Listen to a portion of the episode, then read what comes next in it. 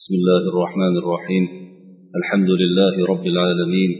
وأصلي وأسلم على أشرف الأنبياء والمرسلين. نبينا محمد بن عبد الله وعلى آله وأصحابه أجمعين والتابعين لهم بإحسان إلى يوم الدين. اللهم لا علم لنا إلا ما علمتنا إنك أنت العليم الحكيم. اللهم علمنا ما ينفعنا وانفعنا بما علمتنا وزدنا علما وعملا يا رب العالمين.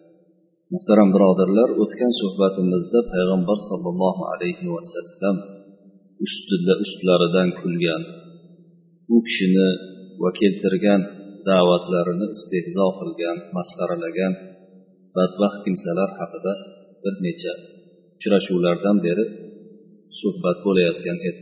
Bugun o'sha suhbatning davomini muallif kavsar surasining nozil bo'lish sababiga va bu sura qaysi odam to'g'risida nozil bo'lganligi haqida hamda ushbu suraning nozil bo'lish sababiga ham nozil bo'lishiga ham sabab o'sha quraysh zodagonlaridan birining masxara va istehzosi bo'lganligini gapirib so'zlarida davom etadi.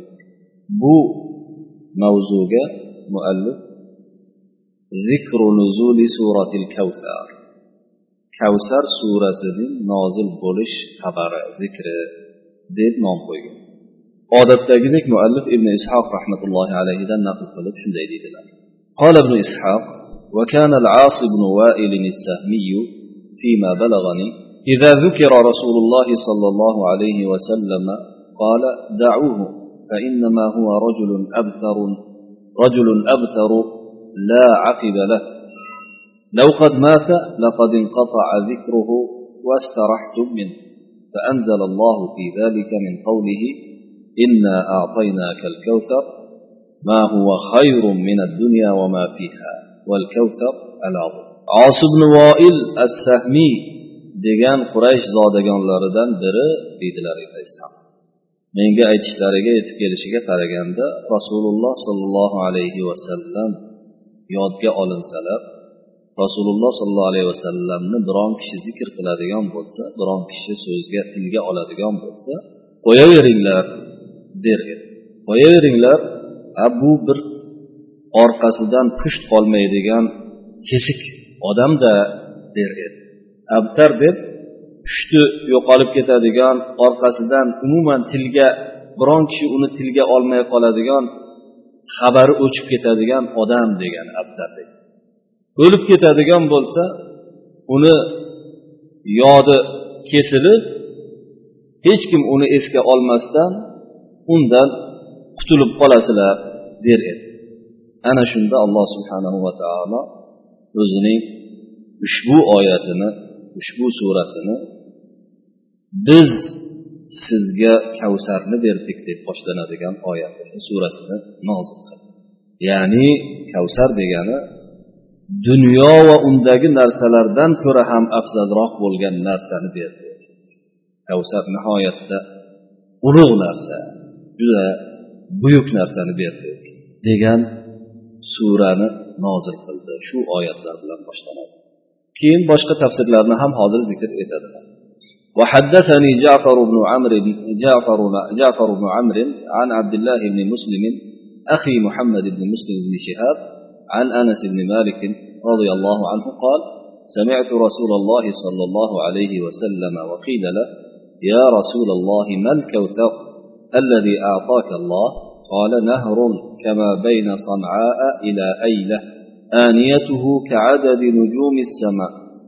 ترده طير لها أعناق كأعناق الإبل. قال يقول عمر بن الخطاب إنها يا رسول الله لناعمة قال أكلها أنعم منها. وقد سمعت في هذا الحديث أو غيره من شرب منه لم يظمأ أبدا. كين ابن إسحاق aytadilarki menga jafar ibn amr so'zlab berdilar bu kishi muhammad ibn shihob az zuhriy mashhur imomni akalari abdulloh ibn muslim zuhriydan rivoyat qildilar. U kishi esa anas ibn molik roziyallohu anhudan rivoyat qildilarki anas ibn molik aytadilarki rasululloh sollallohu alayhi vasallamni bir kuni u kishiga mana shu savol berilganida eshitdi. U kishiga ey rasululloh olloh sizga berib qo'ygan kavsar nima? deb so'radi. Shunda javob berdilar. Sano bilan ayla orasidagi masofadek keladigan bir daryodir. Sano bilan aylani orasi nihoyatda uzoq masofa hisoblanadi. Ayla deb iroqni tepasidagi shomga yaqin bo'lgan joydagi bir eski qadimda bor bo'lgan bir shahar. Shu bilan yamanni sanosini orasidagi masofadek bo'ladigan kengligi shu darajada keng bo'lgan daryo dedi. Aniyatuhu ka'adadi sama. Idishlari osmon yulduzlari sonicha. Bu daryoga bo'yinlari xuddi tuya bo'yinlariga o'xshab ketadigan qushlar kelib suv ichib turishadi dedilar. Shunda umar ibn hattob gapga qo'shildilarki yo rasululloh ey rasululloh bu juda maza qilib lazzatli bo'lib yurar ekanda u qushlar lazzat bilan dedilar. Juda yumshoq nihoyatda lazzatli ekanda u qushlar bunaqa narsalarni yeb yurgan bo'lsa deganda payg'ambar sallallohu alayhi vasallam ha bu qushlarni yeyish undan ham ko'ra lazzatliroq deb javob berdilar deydilar hikoya qilib ibn ishoq o'zlarini mana shu yuqorida kelgan silsila bo'yicha san'atlar orqali. Keyin ibn ishoq aytadilarki ushbu hadisda yoki bundan boshqa hadisda men quyidagi qo'shimchani ham eshitdim. Rasululloh sollallohu alayhi vasallam aytdilarki bundan bir marta ichgan kishi hech qachon chanqamaydiki ushbu hadis hech qachon bundan chanqamaydi kavsar shunday joyki daryodagi suvki jannat daryolaridan biridagi suvki bundan ichgan odam hech qachon chanqamaydi degan hadis mashhur hadis bo'lib bu boshqa rivoyatda keladi sahih hadislardan hisoblanadi keyin bunga ishora qilib rasululloh sollallohu alayhi vasallamdan kelgan boshqa hadislarni muallif rahmatullohi alayhi keltiryapti aytyaptilarki qultu روى البخاري عن أبي بشر عن سعيد بن جبير عن ابن عباس رضي الله عنهما قال الكوثر الخير الكثير الذي أعطاه الله إياه. قال أبو بشر قلت لسعيد بن جبير إن ناسا يزعمون أنه نهر في الجنة. قال سعيد النهر الذي في الجنة من الخير الذي أعطاه الله. انتهى. إمام بخاري o'zlarini sahihlarida abu bishr degan roviydan rivoyat qilib u kishi esa said ibn jubayrdan rivoyat qilib said ibn jubayr esa o'zlarini ustozlari ibn abbos roziyallohu anhudan rivoyat qiladilarki bu yerda imom buxoriy abu bishirdan bevosita rivoyat qilayotganlari yo'q. Imom buxoriydagi o'zlarini shayxlari u kishini shayxlaridan esa abu bishir u kishini shayxlari esa abu bishirdan olyapti. Bu yerda bu kishi qisqacha holda abu bishirdan rivoyat qilinyapti deb ketyaptilar. Ibn abbos roziyallohu anhudan rivoyat qilingan hadisda shunday dedilar. Ibn abbos o'zlari tafsir qilib kavsar degani alloh subhanahu va taolo rasululloh sollallohu alayhi vasallamga berib qo'ygan juda ko'p yaxshilik deb tafsir qildi. Shunda abu bishr aytadilarki men o'shanda ibn abbos roziyallohu anhuni shogirdlariga ushbu hadisni ustozlaridan aytib rivoyat qilib turganlarida said ibn jubayrga xitob qilib ba'zi odamlar bu kavsarni jannatdagi daryo deyishmoqda dedi.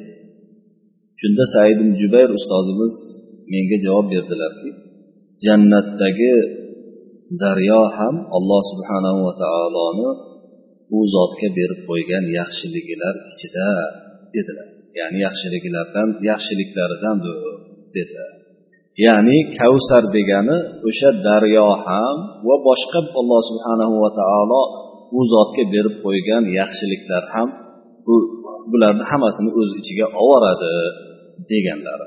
Val arobu muallif yana qo'shimcha qilib aytyaptilarki val arobu tusammi kulla shayin kathirin fil adadi aw kathirin fil qadri kavsara arablar sonda ko'p bo'lgan yoki miqdorda qadrda ya'ni qadri ulug' bo'lgan narsani yoki soni ko'p bo'lgan narsani kavsar deb ataydilar deyaptilar keyin alloh subhanava taolo suraning oxirida ثم قال إن شانئك قال ابن عباس عدوك هو الأبتر أي الأقل الأرذل المنقطع من كل خير keyin alloh subhanava taolo suraning oxirida inna albatta sizni ayblovchi sizning dushmaningiz ibn abbos shonini dushman ma'nosida tafsir qilganlar. Sizning dushmaningiz o'sha sizni ayblab turgan dushmaningiz o'zi abta ya'ni barcha yaxshiliklardan uzilgan eng nopok eng past pastkash eng nasibasiz odam bo'lgan barcha narsada kichik bo'lgan odam o'sha dedi alloh subhanava taolo demak rasululloh sollallohu alayhi vasallamga kelgan ushbu zikr ushbu vahiy u zotni boshqa insonlar nari tursin boshqa ulug' payg'ambarlardan ham ko'ra zikrini ulug' qilishga olib keldi. Bu badbaxt kimsa aytganidek zikri o'chib ketishiga emas rasululloh sollallohu alayhi vasallamning zikrlari to qiyomat barcha boshqa insonlarni zikridan ko'ra ulug'roq bo'lib qoladigan bo'ldi bundan olinadigan ibratlar juda ko'p.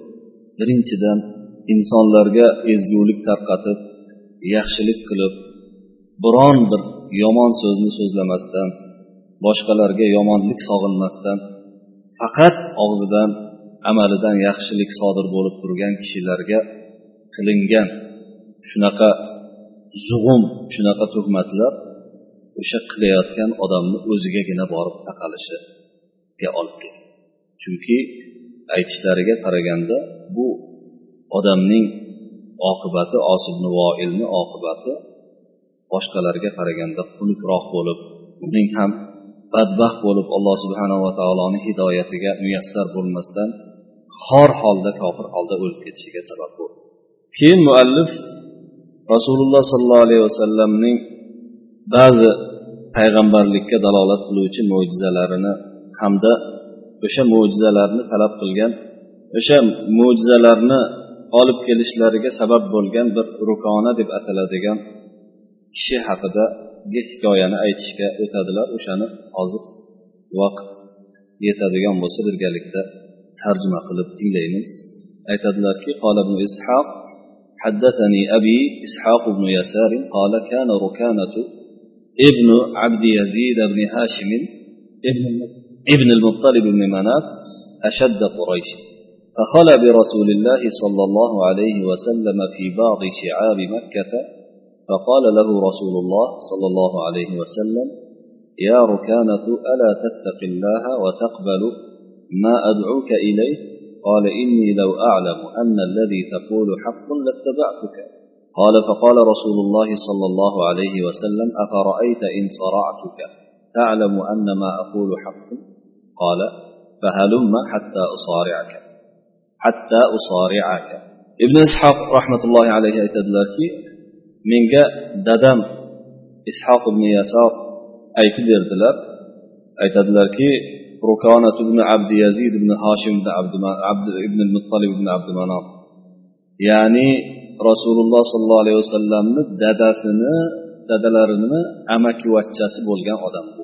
Rukona ibn abdi yazid ibn hoshim rasululloh sollallohu alayhi vasallamni dadalari esa abdulloh ibn muttalib abdulloh ibn abdul muttalib ibn hoshim shu rukonat ibn abdi yazid degan odam qurayshni eng pahlavon kishisi edi. Nihoyatda kuchli kishisi hisoblanadi.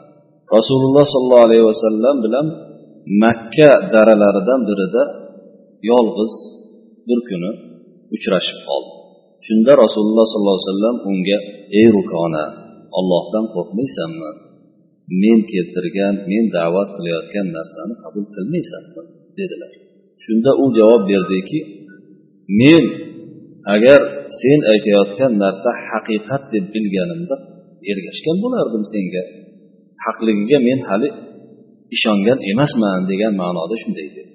Shunda rasululloh sollallohu alayhi vasallam uni o'zini o'sha eng ishonib turgan narsasi tomonidan kelib aytdilarki aytchi agar men seni bu kurashda yiqitadigan bo'lsam biz hozir olishib kurashga tushsaku seni kurashda yengib chiqadigan bo'lsam yiqitadigan bo'lsam men keltirayotgan men aytayotgan narsa haqiqat ekanligini bilasanmi bilib olasanmi o'shanga ishonasanmi dedi shunda rasululloh sollallohu alayhi vasallam emas boshqa pahlavonlarni ham hech ikkilanmay yiqitib yurgan odam darrov kel bu olishamiz deb qoldi قال فقام إليه ركانة يصارعه فلما بطش بطش به رسول الله صلى الله عليه وسلم أضجعه لا يملك من نفسه ثم قال عد يا محمد فأعاد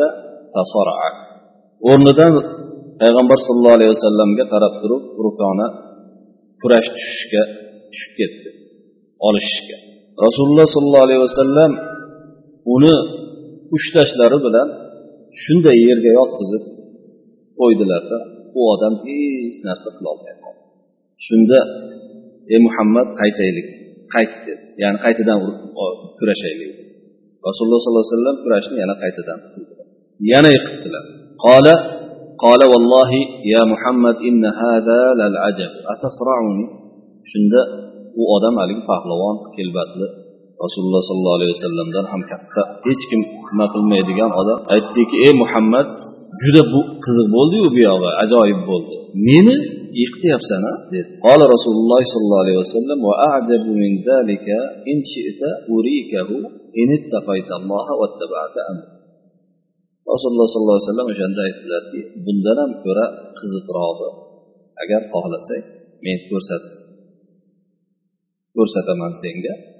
Agar ollohdan qo'rqib meni ishimga da'vatimga ergashadigan bo'lsa dedilar قال وما هو قال أدعو لك هذه الشجرة التي ترى فتأتيني قال ادعها فدعاها فأقبلت حتى وقفت بين يدي رسول الله صلى الله عليه وسلم nima bu sen bundan ham ko'ra ajablanarli bundan ham ko'ra qiziqroq bo'ladi degan narsa dedi shunda aytdilarki u mana u ko'rib turgan sen ko'rib turgan daraxtni men chaqiraman hozir meni oldimga kel chaqir dedi payg'ambar sallallohu alayhi vasallam chaqirdilar daraxt kelib rasululloh sollallohu alayhi vasallamni ro'paralarida to'xtadi قال فقال لها ارجعي إلى مكانك مكانك فرجعت إلى مكانك shunda rasululloh sollallohu alayhi vasallam unga qarab turib joyingga qayt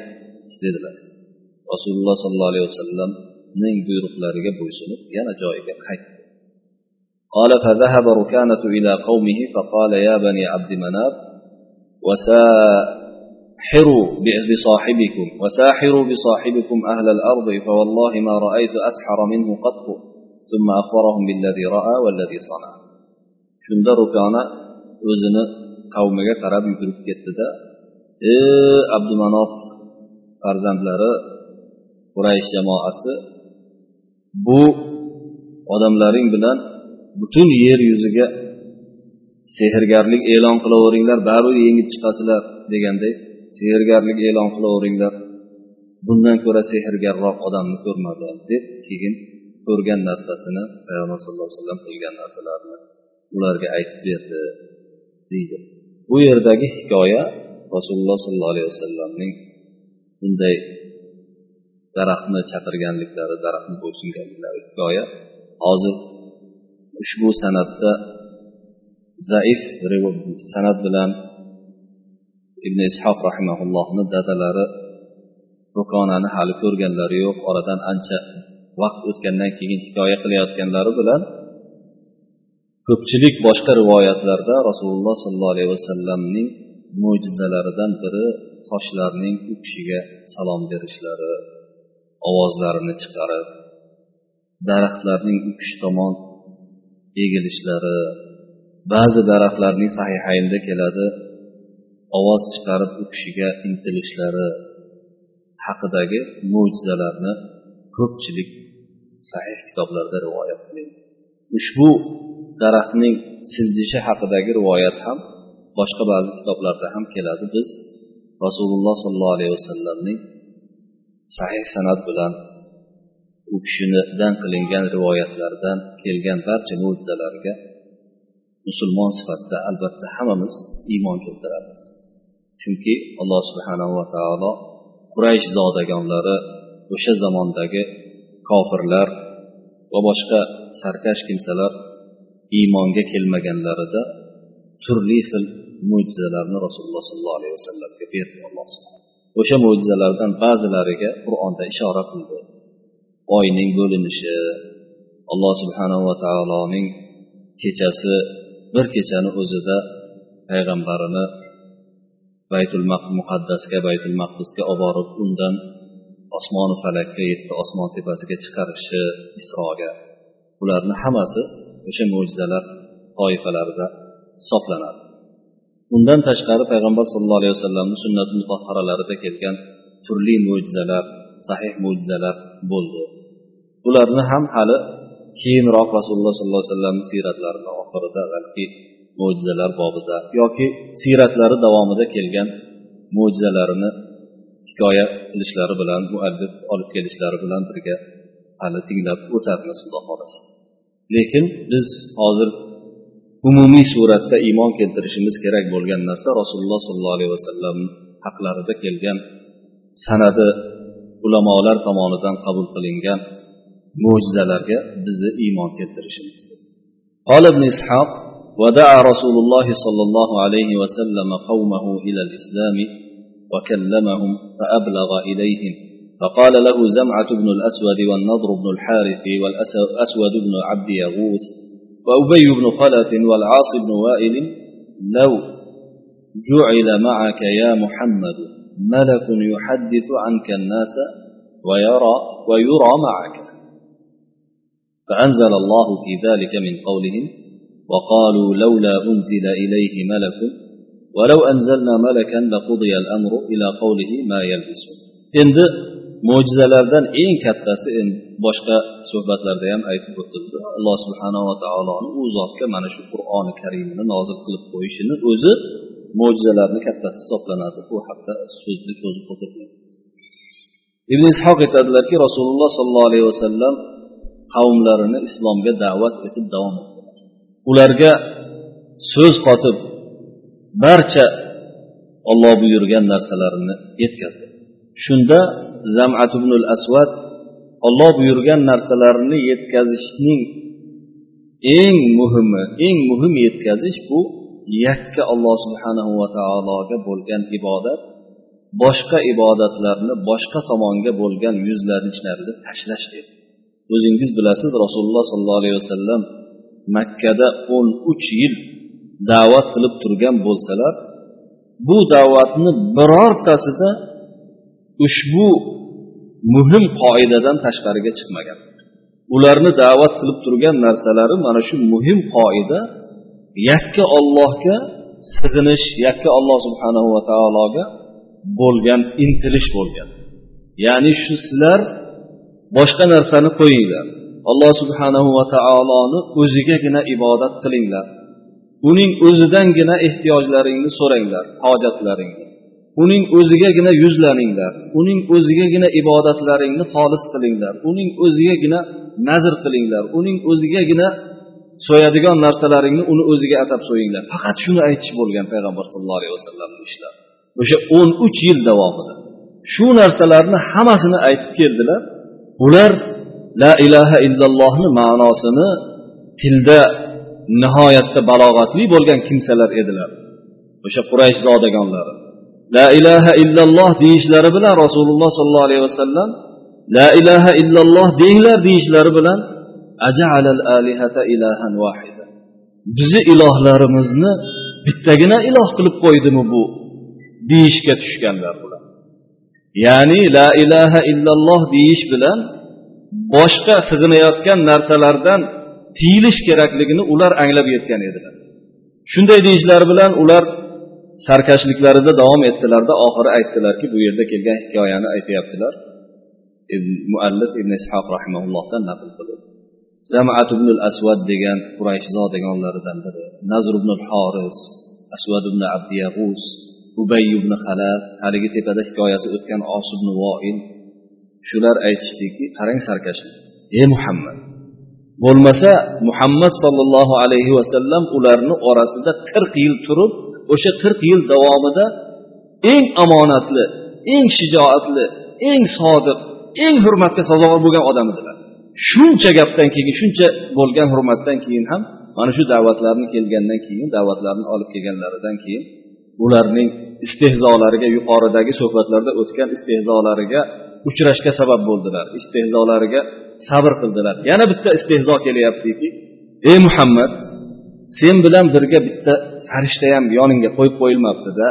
Odamlar sen haqida gapirib yurishardi. O'sha sen haqida gapirganda seni oldingda ko'rinib turadigan odamlarga ko'rinib turadigan farishta bo'lganda yaxshi bo'lardi deyishdi. Shunda alloh subhanahu va taolo ushbu ularning ushbu gaplariga javoban ushbu oyatlarni nozil qildiki ular kofirlar mushriklar quraysh zodagonlari haqqa unamaganlar la ilaha illalloh deyishdan bosh tortganlar ha bu odamga qo'shilib yoniga farishta tushirilmabdida deydilar. Agar biz agar biz farishtani nozil qilganimizda ish hal qilingan bo'lar edi.